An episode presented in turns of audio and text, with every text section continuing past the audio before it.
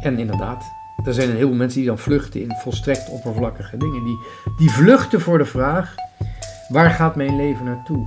Welke richting kan ik aan mijn leven, leven geven? Wanneer zal ik verantwoording moeten afleggen voor het leven? In deze podcast gaat Pater Elias op zoek naar wat echt is. Hij gaat de uitdaging aan om een zo helder mogelijk beeld te vormen van hoe de wereld in elkaar steekt. Dit is de Pater Podcast. Ik weet niet of u dat ook heeft, maar in de lente, als het mooi weer begint te worden, en zeker ook als het Pasen is, en dat is dus deze week, heb ik altijd zin om eens even flink spullen op te ruimen, beter schoon te maken dan gewoonlijk. Met andere woorden, is even in mijn eigen leven een flinke reset te maken. Even lekker opnieuw te beginnen. Frisse moed, frisse ideeën. Ik heb dat eigenlijk met Pasen veel meer dan uh, na een nieuwjaarsfeestje uh, midden in de winter. Uh, vaak komt dan nog het vervelendste weer, komt dan nog, zo 1 januari. Ik kan niet zeggen dat ik 1 januari altijd echt zin heb in het nieuwe jaar, maar met zulk weer als het nu is, mooi zonnig weer, met Pasen nota bene, um, ja, heb ik in ieder geval zin in, in de zomer in de tijd die nu komen gaat. En die Great Reset, ja, die begint natuurlijk en die eindigt ook weer um, met het geloof en vanuit het geloof. Dat kan niet anders. Um, als het geloof het belangrijkste is in je leven, als je werkelijk in, uh, in, in, in God gelooft dat Hij degene is die, um, God degene is die ons geschapen heeft als Almachtige die ons bovendien op een wonderbaarlijke manier verlost heeft, als um, nog meer dan almachtige, als dat zou kunnen. Ja, dan is het niet zo gek dat je daar um, al je zinnen op zet en dat je daarmee wil opstaan en naar bed gaan. Dat je er in de nacht, maar ook overdag altijd over wil dromen en aan wil denken. En in dat licht, dat zelfs de nacht verlicht, ook je medemensen verlichten zodat je ze altijd kunt zien als potentiële uh, medebewoners van die hemel die komen gaat. En um, ja, mede uh, reisgenoten op weg naar de, naar de verrijzenis. En wanneer die verrijzenis al reëel aanwezig in Jezus Christus aan het voorbereiden bent en je leven is even weer uh, een beetje in je leven een beetje orde op zaken stelt.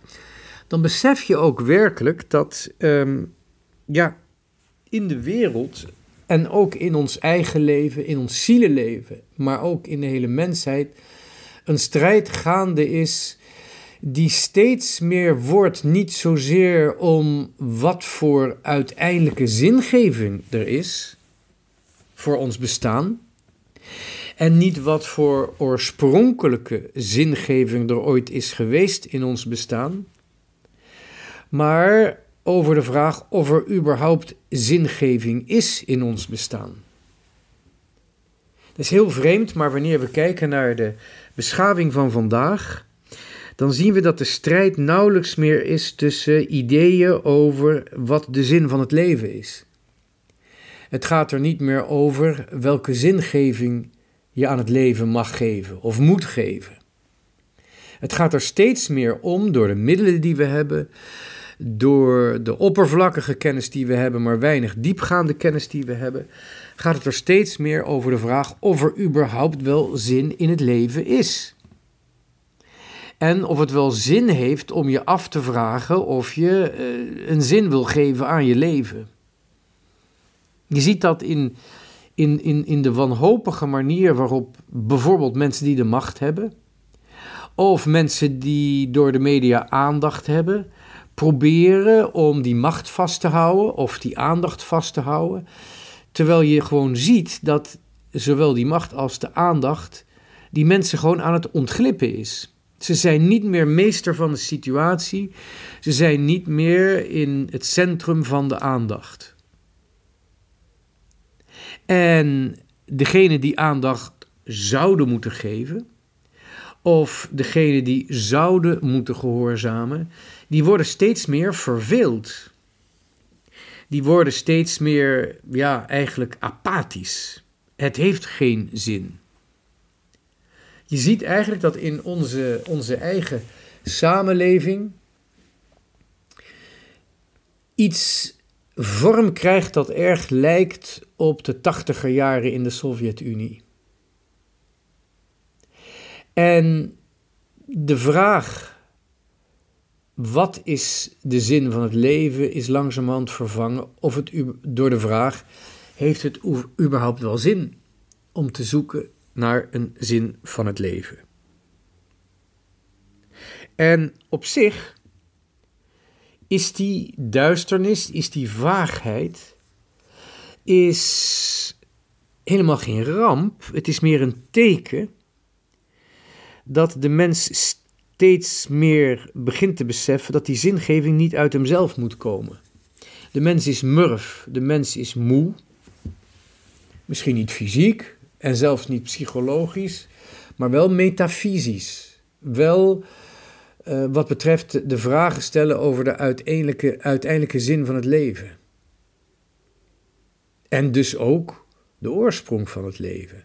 Waarom het is begonnen, met welke intentie we geschapen zijn. En het is steeds meer zwart, of wit, zwart op wit. Namelijk, willen we een zin van ons leven van buitenaf ontvangen? Willen we ons bestaan aanvaarden? Willen we onze menselijke natuur aanvaarden? Willen we de, mensen, willen we de, de, de manier waarop ons menselijk leven tot stand komt in de vruchtbaarheid, in het gezin, willen we dat aanvaarden of, of niet? En willen we aan dat leven een zin geven of niet? Dan zie je eigenlijk, juist omdat dat de strijd is geworden, zie je hoe, hoe weergaloos diep de roeping van de mens is. De mens is niet zomaar een soort van computer waar je een harde schijf in zit, in zit, in zet. En die, die, die schijf ga je programmeren. Maar de mens heeft werkelijk een harde schijf waar hij zelf het programma mag bepalen. Zonder harde schijf gaat het niet. Uh, maar we mogen wel een zelf een eigen programma invullen voor ons leven. Zonder harde schijf gaat het niet. En zonder logica gaat het ook niet. Dus er is wel zoiets als een natuurwet.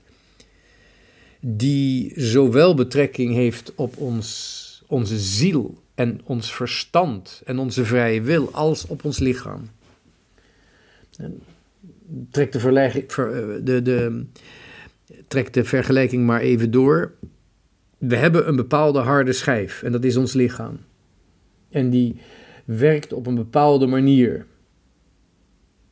En ook al kun je hem sneller maken, ook al kun je hem uh, repareren als hij kapot is, maar het blijft wel diezelfde harde schijf. We kunnen niet zomaar van lichaam wisselen. We kunnen ook niet zomaar uh, van een ronde schijf een vierkante schijf maken. Ons lichaam heeft een bepaalde natuur. En met die natuur maken we deel uit van een veel grotere natuur.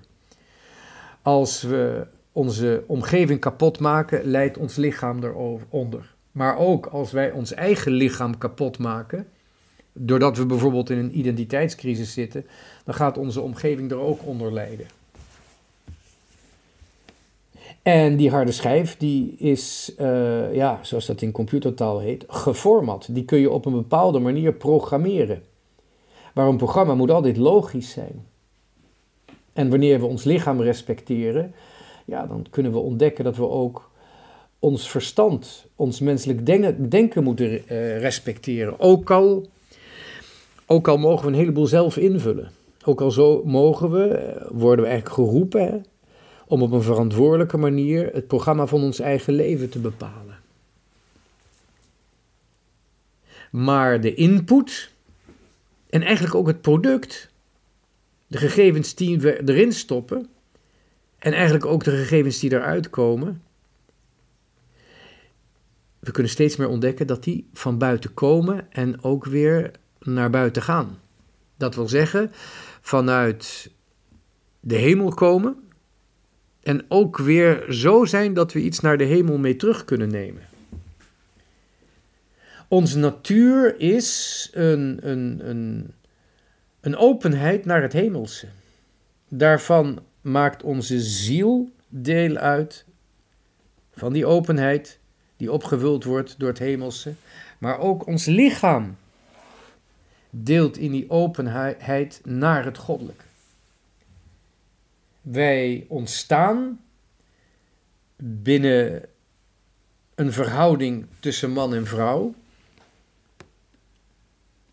Maar zij maken ons niet. Wij zijn niet een product van onze ouders. Onze ouders hebben niet een kindje gemaakt. We kunnen er grapjes over maken, kindertjes maken, maar dat is het natuurlijk niet. Je ontvangt leven van een schepsel.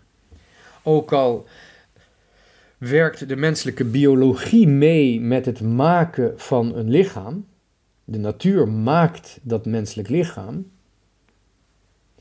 Maar de ziel wordt toch echt door God geschapen.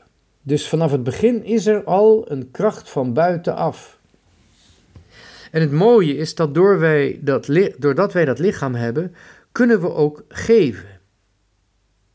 We kunnen dingen maken, ervoor werken en die dan offeren als gebaar naar God toe. We kunnen ook ons eigen lichamelijk leven offeren, bijvoorbeeld door te vasten. Dat is ook een gebaar naar God. Dat is een, een offer, dat heeft een goddelijk motief. Vasten. Je doet dat voor God. Je ontzegt jezelf iets lichamelijks, iets waar je van kunt genieten.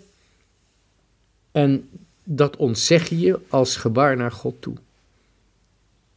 Dus de oorsprong van het leven en de gave van ons leven, daarvan kunnen we, daarmee kunnen we die, die, ons erkennen, herkennen en ook eren van die openheid in ons leven naar het goddelijke. Daar kunnen we één grote gave van maken in ons leven. En dat is een mysterie wat we opnieuw mogen beleven met Pasen, want als Christus het, het, het graf uitkomt, hij is toevertrouwd aan de aarde en hij geeft zichzelf aan de Vader bij de verrijzenis. En ook wanneer hij namens de Vader zijn lichaam heeft gegeven en zijn bloed in de Eucharistie, dan geeft hij zichzelf daarmee ook terug aan de Vader. Het brood dat uit de hemel is neergedaald.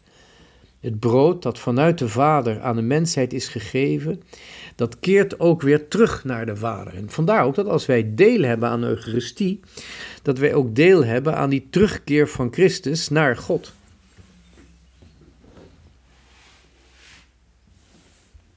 En dat is goed te benadrukken, zeker wanneer we in die tijd leven waarin de vraag steeds meer wordt: heeft mijn leven wel zin? Niet wat is de zin van mijn leven, maar heeft het überhaupt wel zin? Want als u die vraag wil stellen, het hoort wel typisch bij onze tijd, maar toch is het ook bijbels. Er is één boek in het Oude Testament, wordt niet zo vaak gelezen, Koholet, prediker. Ehm, maar ik zou het toch maar eens lezen als ik u was. Ik wilde uh, zwaar, sterk adviseren om te lezen, mocht u niet weten wat een depressie is, dan moet u dat boek eens van voor naar achter lezen. Dan, weet ik zeker dat u iets begrijpt van wat een depressie is. Het is het meest deprimerende boek van het Oude Testament. Ijdelheid der ijdelheden. Alles is ijdelheid. Het begint met de ijdelheid en het eindigt met de ijdelheid. En het gaat alleen maar over de ijdelheid in dat hele boek. Alles is eigenlijk zinloos. Werken, kinderen krijgen, kinderen opvoeden, um, dienaar zijn van de. Nou ja, goed, verzin het maar. Alles, alles, alles is ijdelheid. Alles is zinloos. Er is alleen één lichtpuntje in het hele boek. Er is iets, en het wordt twee keer genoemd, dat wel zin heeft. Althans, enigszins. Dat is namelijk eten na gewerkt te hebben. Eten van de vruchten van je arbeid. Nou, dat is het enige waar je nog een beetje lol aan kunt beleven. Dat is het enige moment in dat hele boek Prediker dat je zegt, ja, het is niet helemaal grauw. Het is allemaal heel saai, deprimerend. Echt zo'n, ja, zo'n, je zou bijna zeggen, zo'n burgerlijk zitkamertje. Met een klokje dat tikt. Echt zo'n zo'n sfeer uit dat boek, uh, De Avonden. Hoe heet die schrijver ook alweer? Een, echt een, een fijn deprimerend boek van, van een, een, een zoon van een communist die uh, een buitengewoon deprimerende jeugd heeft gehad. En um, katholiek is geworden, maar wel op een hele beetje bizarre manier. Gerard Reven. Nou, weet ik de naam weer. Gerard Reven. Zijn boek De Avonden. Nou, zo'n sfeer van, van verpletterende saaiheid. Dat, uh, die krijg je als het boek Prediker leest. Behalve dan het eten van je arbeid. Maar als je dat dus dat boek ziet, dat heeft in het bestaan van Christus een hele nieuwe betekenis gekregen. Christus zegt niet alleen in het Johannesevangelie dat hij, zijn voedsel is de wil van de Vader te doen, maar bovendien geeft hij ons zijn lichaam als brood uit de hemel, als bloed uit de hemel, in die in dat grootste moment dat hij de wil van de Vader doet. Dus, laat ik zo zeggen, het, het moment waarop Jezus het meest aan het eten is, het heftigst en het meest extreem aan het eten is, en omdat hij de wil van de Vader doet bij het kruisoffer, en daaraan voorafgaand tijdens het laatste avondmaal, op dat moment eten wij ook zijn lichaam en drinken wij zijn bloed. Dus wij krijgen deel daaraan, aan Jezus die de wil van de Vader doet. En daarmee zien we dus ook dat hele extreme gegeven van ons leven. Het klopt, alles wat wij doen is zinloos. Volstrekt zinloos. Of je nou carrière maakt, of de hele dag je, je, je kamer aan het stofzuigen bent, het is zinloos. Maar er zit een komma achter deze zin. Geen punt, komma. Al, dus alles is zinloos, komma, tenzij door de Eucharistie. Punt, komma. Door de Eucharistie heeft alles ineens zin. Je ziet eigenlijk dat die eindtijd van de mensheid is een eucharistische oorlog. Steeds minder krijgt zin. Zelfs de vraag naar zingeving heeft geen zin meer, tenzij door de Eucharistie.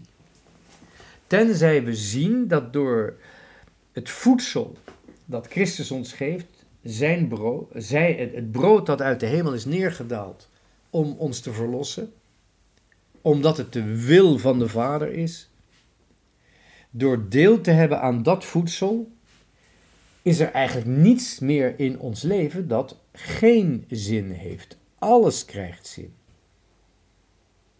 Omdat we van alles iets kunnen maken dat door de Vader gezien wordt. Iets dat wij aan de Vader opdragen. Of het nou uh, je vloerschrobben is, of misschien ook carrière maken, wie weet. Maar het heeft allemaal een onvergankelijke zin, juist door de Eucharistie.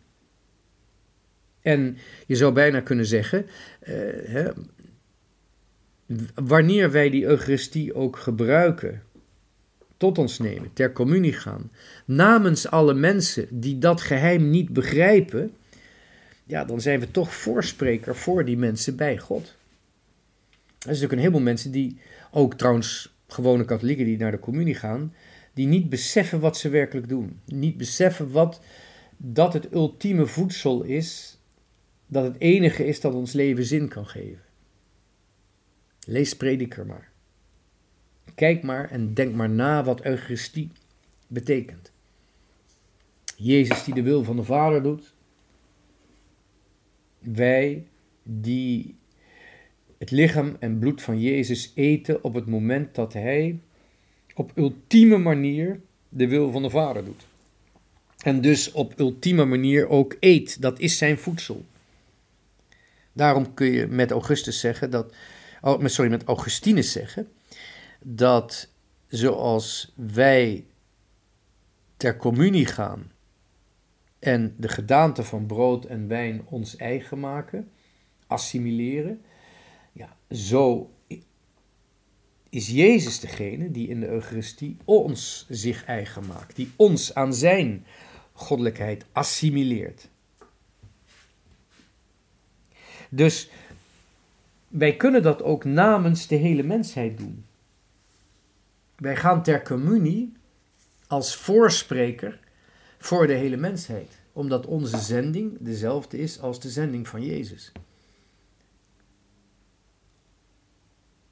En wij kunnen dus ook bidden dat de mens die de vraag naar zingeving stelt, dat hij ook zal beseffen dat überhaupt die vraag al stellen in onze wereld een overwinning is op zich. En dat het de eerste gewonnen slag is in een oorlog die aan het woeden is, de, die nu woedt. Vergeet al die verhalen over, over komende oorlogen en ziekte. En ik krijg ook wel eens vragen, eh, in welke fase van de menselijke geschiedenis zitten we? Ja, we zitten gewoon in de eindtijd. Daar kun je best wel een visie op ontwikkelen, maar we zitten gewoon in de ijstijd. Eh, sorry, in de ijstijd. In de eindtijd. En dat zitten we al sinds de verrijzenis van Christus. En het is niet zo gek dat, dat met alle bekoringen en alle verzoekingen en alle verleidingen van de duivel om ja, eigenlijk uitstel van de wederkomst van Christus te krijgen. Christus komt terug, dat is onvermijdelijk. Alles wat de duivel doet is om dat zo lang mogelijk uh, niet te laten gebeuren. En dat je daar dan uh, bepaalde groei in ziet van, van, van zeg maar de pogingen van de duisternis om ons te verwarren.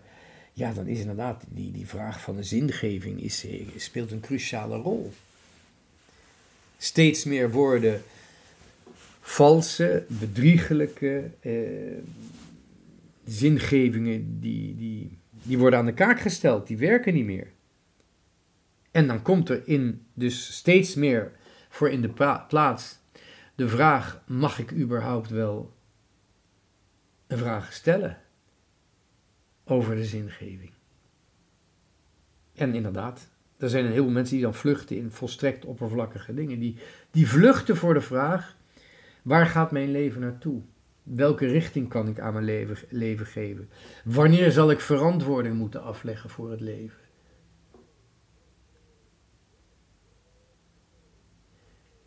Steeds meer is dat uiteindelijk de vraag die we moeten beantwoorden. Heeft ons leven zin? En zo ja, wat is die zingeving dan? En in hoeverre mag ik zelf ook kiezen welke richting mijn ik mijn leven wil geven? En in het geloof ontdekken we dan steeds meer niet alleen de aanwezigheid van de verrezen Christus, maar ook de afwachtende houding van die aanwezige, verrezen Heer Jezus Christus.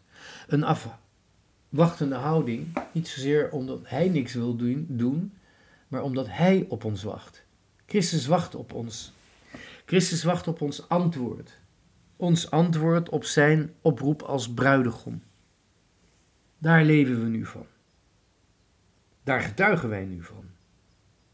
Daar verlangen wij naar. Dat wij steeds meer een vorm kunnen geven aan ons antwoord op het vlees geworden woord dat zichzelf gegeven heeft. Bedankt voor het luisteren. Tot de volgende keer.